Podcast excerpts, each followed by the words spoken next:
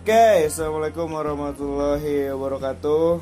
Baik lagi teman-teman. Dimulai di podcast, podcast dari mulai di sini. Sebelumnya, apa kabar nih?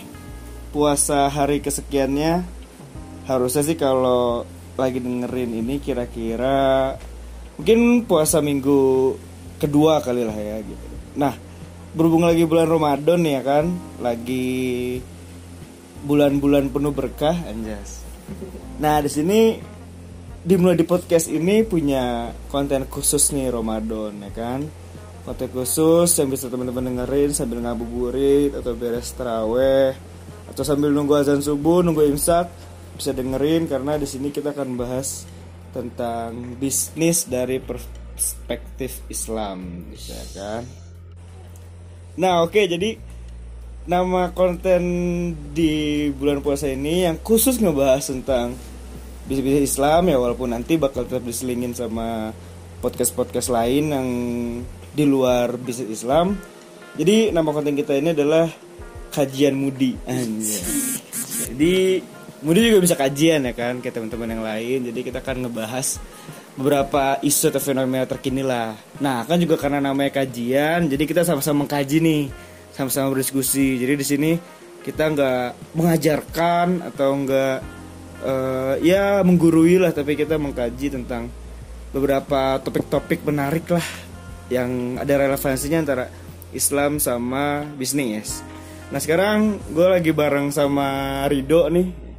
Kalau pada tahu mungkin gak asing Rido ini orang di balik sosial medianya mulai di sini. Nah, dimulai di sini nih dia ustadznya nih. Jadi Rido ini salah satu tim juga dari mulai di sini, tapi juga bergerak lah ibaratnya bisnis di bidang Islam lah gitu, brand-brand Islam dan juga emang ibaratnya salah satu anggota tim mulai di sini yang paling alim lah di antara yang lainnya. Jadi kita mau diskusi nih bareng Rido ya kan, yang pemahamannya lebih mengenai bisnis Islam gitu karena juga bergerak di bidang bisnis dan juga bisnisnya pun berbau-bau Islam gitu. Jadi pasti paham lah tentang ya ibaratnya bisnis-bisnis yang bisa kita korelasiin bareng ilmu Islam gitu.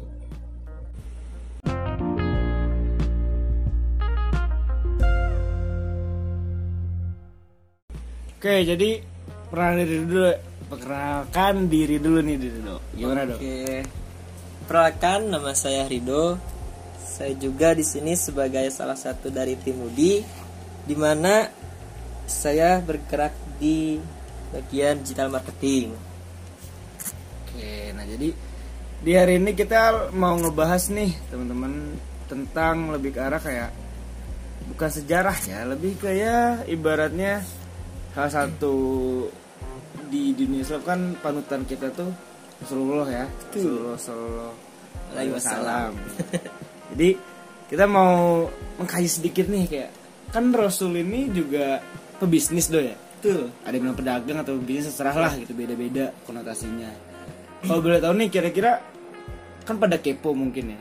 Oke Nabi Muhammad ini seorang seorang pedagang. Tapi kira-kira salah satu kendala nih biasanya kan apalagi zaman sekarang anak muda tuh mau bisnis bingung awalnya gimana gitu. Iya. Nah kalau zaman dulu nih Nabi Muhammad itu awal mula berdagang itu kenapa sih atau gimana sih dok gitu? Oke, kalau menurut sejarah berdasarkan para sejarawan Rasulullah SAW ini di awal bisnisnya itu dengan eh, diawali dengan membantu pamannya Abi, Abu, Abi Tholib dalam berdagang keluar keluar negeri pada saat itu. Nah, jadi pada intinya di awal bisnis itu karena faktor ekonomi karena kita tahu bahwa eh, Muhammad- Nabi Muhammad SAW ini terlahir atau dari sejak kecil dia sudah menjadi anak yatim dan lahir di lahir bersama pamannya. Nah dari itu dia membantu-bantu pamannya untuk berdagang gitu. Oh jadi mungkin awalnya ini ya ibaratnya kalau zaman sekarang mungkin faktor kepepet lah ya bahasa Bisa. bahasa kerennya gitu kan bahasa online shop online shop itu kayak the power of kepepet gitu kan dalam artian kayak dan juga karena eh, ya dibantu oleh pamannya gitu Hmm. kan ya sebagai Bas Budi untuk membantu dagangan pamannya gitu Hmm. bantu bantu berdagang tapi setelah itu kalau boleh tahu kapan sih titik di mana Rasulullah ini berdagang sendiri gitu kalau awalnya mungkin tadi kita bahas tentang awalnya kan berarti oh ya udah berarti Nabi Muhammad ini awalnya ngebantu pamannya untuk berdagang Iya betul. tapi kapan sih titik di mana kayak Nabi Muhammad ini memilih kembali untuk kayak oke berdagang aja deh gitu. Kenapa nggak dalam artian misalnya nih jadi wali kota misalnya gitu atau apa Kerja kantoran gitu. gitu Ah, kerja kantoran tapi kenapa memilih untuk Emang lanjut udah ada kantor cuy? Hah? Udah ada kantor emang? eh belum ada juga sih ya. belum ada nggak ada kantor jangan dulu ya kantor ya kalau nggak bisa beternak atau apalah Ah, gitu iya, iya. kenapa nih milih menjadi pedagang pada akhirnya gitu Hmm. Oke, buat eh, sebelumnya jadi eh, Rasulullah SAW ini pada usia 12 tahun diawali dengan 12 tahun itu dia sudah mulai membantu pamannya untuk berdagang. jadi startnya 12 tahun 12 tahun. Nah itu buat teman-teman yang zaman yang sekarang 19 sampai 25 tahun belum bisnis dan Ah. masih alasan bingung, malu lah sama Nabi gitu Iya. kan. Jadi kalau dibilang pebisnis sebenarnya pebisnis muda ini ya bisa dikatakan Rasulullah gitu. Hmm. Di awal 12 tahun dan kemudian dari itu Rasulullah pun sudah mulai bisnis sendiri pada eh, usianya di 15 tahun. 15 tahun itu dia mulai berdagang dari mulai pakaian dan lain bersama para sahabatnya ada yang namanya As-Sa'ib bin Abu Sa'ib. Dia merupakan partner Rasulullah SAW dan berdagang. Oh, jadi ya Heeh. partneran sekarang bisnisnya. Heeh. Jadi gitu buat teman-teman, buat sobat mudi juga yang mau berbisnis bingung bingung mau bisnis apa gitu. Ya siapa tahu punya partner eh, teman siapa yang bisa jadi bisnis. Toh Rasulullah waktu dulu pun kayak gitu Hmm. mengajak eh, sahabatnya As-Sa'ib bin Abu Sa'id ini dalam berbisnis pakaian begitu. Oh jadi berarti kalau dari segi produknya nih kalau Hmm. ngomongin kayak tadi udah tahu nih awalnya bisnis kenapa dan kapan mulainya itu ketika umur 12 tahun ya kan. Dan kalau dari segi produk berarti Nabi Muhammad ini dagang mungkin lebih ke tekstil ya eh, atau kayak ya pakaian lah Iya, ya betul, gitu betul. pakaian pakaian dan gak sendiri berarti ya Nah, iya. bareng partnernya gitu.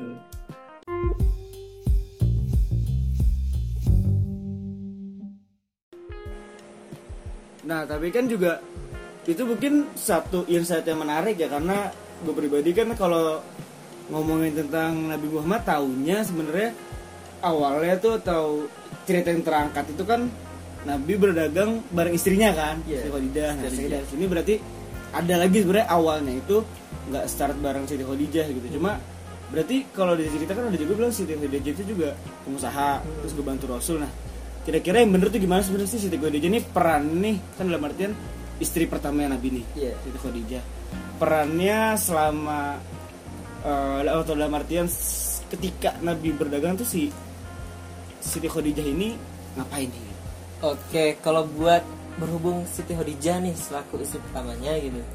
Nah, pada awalnya Rasulullah SAW ini setelah sukses ia berbisnis dengan sahabatnya tadi, dia di tahun pada usia 17 tahun ini mulai berdagang sekeliling dunia. 17 tahun nih siapa nih? 17 tahun Rasulullah. Oh Rasul Rasulullah. Nah, bisa dikatakan pada saat usia 17 tahun Rasulullah SAW ini sudah mulai sukses dalam berbisnis. Kayak gitu. Oke 17 Berbisnis tahun udah sukses 17 ya tahun. Luar biasa luar Nah, biasa. hingga akhirnya ada seorang eh, investor cewek ini bernama Siti Khadijah. Ah, Kayak gitu. Nah, kebetulan Siti Khadijah ini diceritakan Siti Khadijah ini merupakan seorang wanita yang kaya raya sehingga dia bisa menginvestori Rasulullah yang pada waktu itu belum tergolong sebagai Siti Khadijahnya lah sebagai orang kayanya pada waktu itu kayak gitu. Nah singkat cerita pada eh, setelah Siti Khadijah ini menginvestori Rasul dari bisnisnya itu dia mulai sukses dari sukses nambah sukses kayak gitu semenjak dia investori Siti Khadijah. Nah lama kelamaan pada tahun eh pada usianya menginjak 25 tahun, nah Rasulullah pun sudah mulai menikah pada gitu. Hmm. Nah menikahnya itu dengan yang diceritakan itu bahwa Rasulullah ini berbicara kepada sahabatnya, sahabatnya Siti Khadijah bahwa Rasulullah itu mengagumi Siti Khadijah ini. curhat ya Curhat. jangan zaman anak muda lah ya Nah kayak gitu. suka sama cewek curhat ke temennya gitu Ya. eh jadian sama temennya iya tapi Nabi enggak ya jadi nggak bener ya? Nah, hingga akhirnya Rasulullah SAW ini menikahi Siti Khadijah. Dan uniknya gitu, dari eh, sekian sukses bisnisnya, eh, Rasulullah SAW ini mulai menikahi Siti Khadijah dengan mahar 21 ekor unta muda yang bisa dikatakan pada waktu itu sangat luar biasa lah harganya Hmm. atau sangat fantastis gitu. Begitu. Hmm, jadi ibaratnya berarti bisnis bareng Siti Khadijah ini cukup lama ya dalam artian Iya. dari muda sampai kita 25 tahunan lah ya berarti akhir hingga akhirnya menikah dan awal mulanya berarti Siti Khadijah ini berperan sebagai ya bisa dikatakan lah ya bahasa, bahasa keren zaman sekarangnya investor lah Iya betul. investornya dari Nabi Muhammad SAW ini. Nah, betul, betul. Nah, jadi kayak berarti kalau zaman sekarang bisa nggak ya kira-kira kalau punya pacar gitu jadi investor? Tergantung pacarnya itu. Tergantung pacarnya ya? Pacarnya kan pacar juga gak boleh. Oh iya. Bahas bahas Islam ya kan tidak boleh berpacaran. Tapi ada loh teman gue pribadi ada. Oh iya. Ada. Ada teman dekat kita kok. Oh iya benar. Yang salah satu investor ada pacar sendiri. gitu. Is. Jadi kayak mungkin dia meneladani cerita Nabi ini kan. Jadi kayak buat teman-teman sebenarnya ini fakta menarik juga ya di luar insight kita ngomongin bisnis. Terkadang kalau memang punya pasangan atau punya istri atau punya selingkuhan gitu kan. Ya notabene-nya orang tadi sebenarnya nggak nggak ada nggak mungkin gitu. Iya. Eh, dijadikan sebagai investor kalau mungkin gitu ya kan. Hmm. Karena temen gue ada satu yang buka laundry, Hmm. investornya tuh ceweknya. Asik. Sama ada yang baru banget tuh eh, namanya itu Nagas sebagai Oh, sesuatu bikin coffee shop ya kan. Di coffee shop itu dari uang ceweknya sebenarnya gitu. Hmm. Uang ceweknya dari ya orang kayanya orang tuanya tajir hingga akhirnya ya bertanya profesional gitu pakai proposal tapi ibaratnya berhubungan sama cewek Nah, mertua ya iya. kan. Jadi kayak bisa lah ya juga dicontoh Bisa karena itu. jangan kira-kira wah cuma nabi doang bisa. Tapi zaman sekarang ternyata banyak gitu. coffee shop loh bikin coffee shop modalnya dari calon mertua ya bukan mertua. Oh, jadi kayak bisa lah bisa diatur-atur gitu. Ngomongin juga tadi kalau nggak salah eh, nabi sendiri berarti secara nggak langsung kalau kita tarik ke belakang lagi bisnis tuh tanpa modal ya gak sih? Iya, betul betul betul banget itu. Karena pada awalnya seperti yang kita ceritakan tadi, Rasulullah SAW pun mengawali bisnisnya dengan mengikuti pamannya, mengikuti Hmm. pamannya berdagang hingga akhirnya dia mendapatkan suatu apa ibaratnya suatu modal yang lebih lah dengan dia ber- membantu berdagang, membantu pamannya berdagang hingga akhirnya dia mulai berbisnis kayak gitu. Hmm, bener-bener. Jadi kayak ini juga bisa menarik sih di mana kayak buat teman-teman sendiri yang misalnya nih gitu gengsian kan kayak mau bisnis tapi misalnya nggak tahu ilmunya atau mau bisnis tapi nggak berani sebenarnya nggak masalah nggak sih kalau kita sebenarnya ikut ikut orang dulu gitu. Iya, atau bahkan kayak gue pribadi yang di dunia startup gitu. Hmm. dua tiga tahun lalu sebelum ngerintis mulai di sini ini sempat udah mau bikin startup gitu. Tapi ketika gue curhat ke senior gue yang salah satu pemilik inkubator di Bandung Iya, dia bilang kayak kalau bikin startup iya. jangan langsung bikin gitu.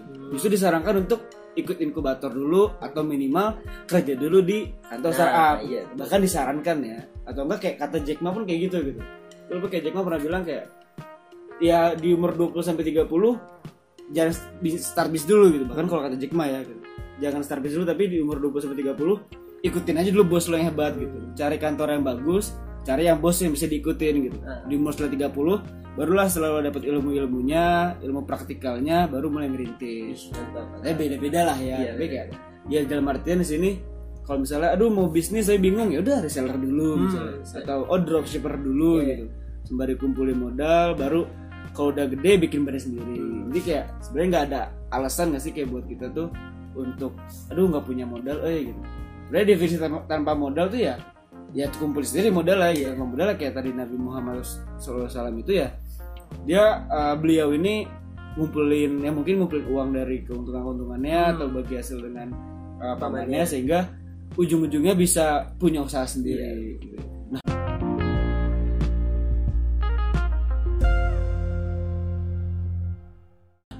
ngomongin tentang sejarah Nabi ini dan bisnis gitu. Iya. Apa sih dok selain itu kayak menurut lu nih insight yang bisa kita ambil atau apa ya kayak hikmah lah relevansi atau hikmah dari cerita Nabi Muhammad ini sebagai entrepreneur ya kan yang bisa kita terapin nih di zaman sekarang gitu. Oke, buat ngomongin hikmah nih. Pokoknya kenapa Rasulullah SAW bisa sukses seperti dahulu gitu bisnisnya? intinya itu adalah kejujuran di mana ada kejujuran maka konsumen pun otomatis akan lebih suka gitu jujur ya Nah, pernah gak sih kalau eh, belanja gitu dapat servis yang baik atau Hmm. dapat pelayanan yang baik, maka kita pun ya enak aja gitu belanjanya ya gak? Nah, aku Rasulullah pun kayak gitu, gak ada penipuan, Hmm. pokoknya kejujuran diutamain gitu. Nggak ada clickbait ya Nah, nggak ada clickbait kayak youtuber ya. Kayak youtuber ada yang botak tuh clickbait mulu tuh. Eh. Nah, pokoknya hikmahnya itu kita berbisnis itu bukan hanya semata eh, berorientasi kepada profit gitu atau kepada keuntungan, tapi jauh dari itu kita harus memikirkan kejujuran, amanah nggak sih amanah gitu. Maka kan gak aneh gitu kalau Rasul ini dijuluki Amin Hmm, sebagai orang terpercaya hmm, gitu. hmm, hmm. kayak gitu.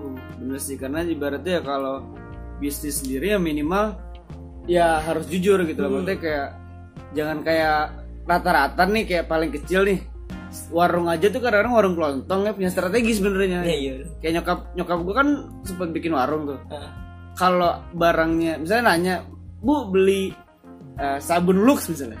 Kadang nggak ada jualan sabun lux. Tapi bilangnya oh kosong ya.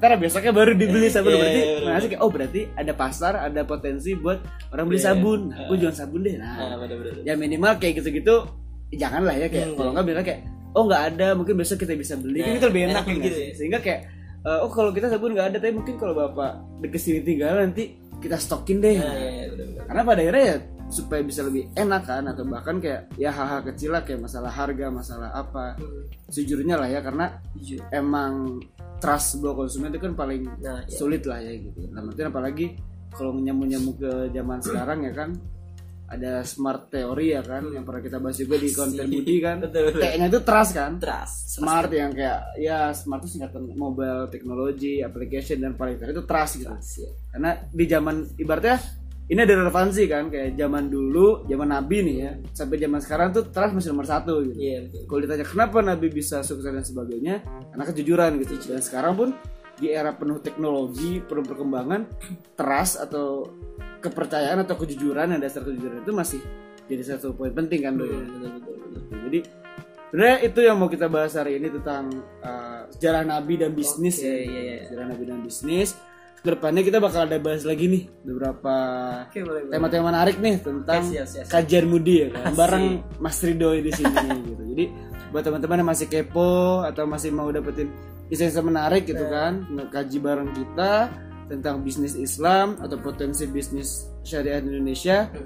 Stay tune terus di channel kita. Dimulai di sini. Asik.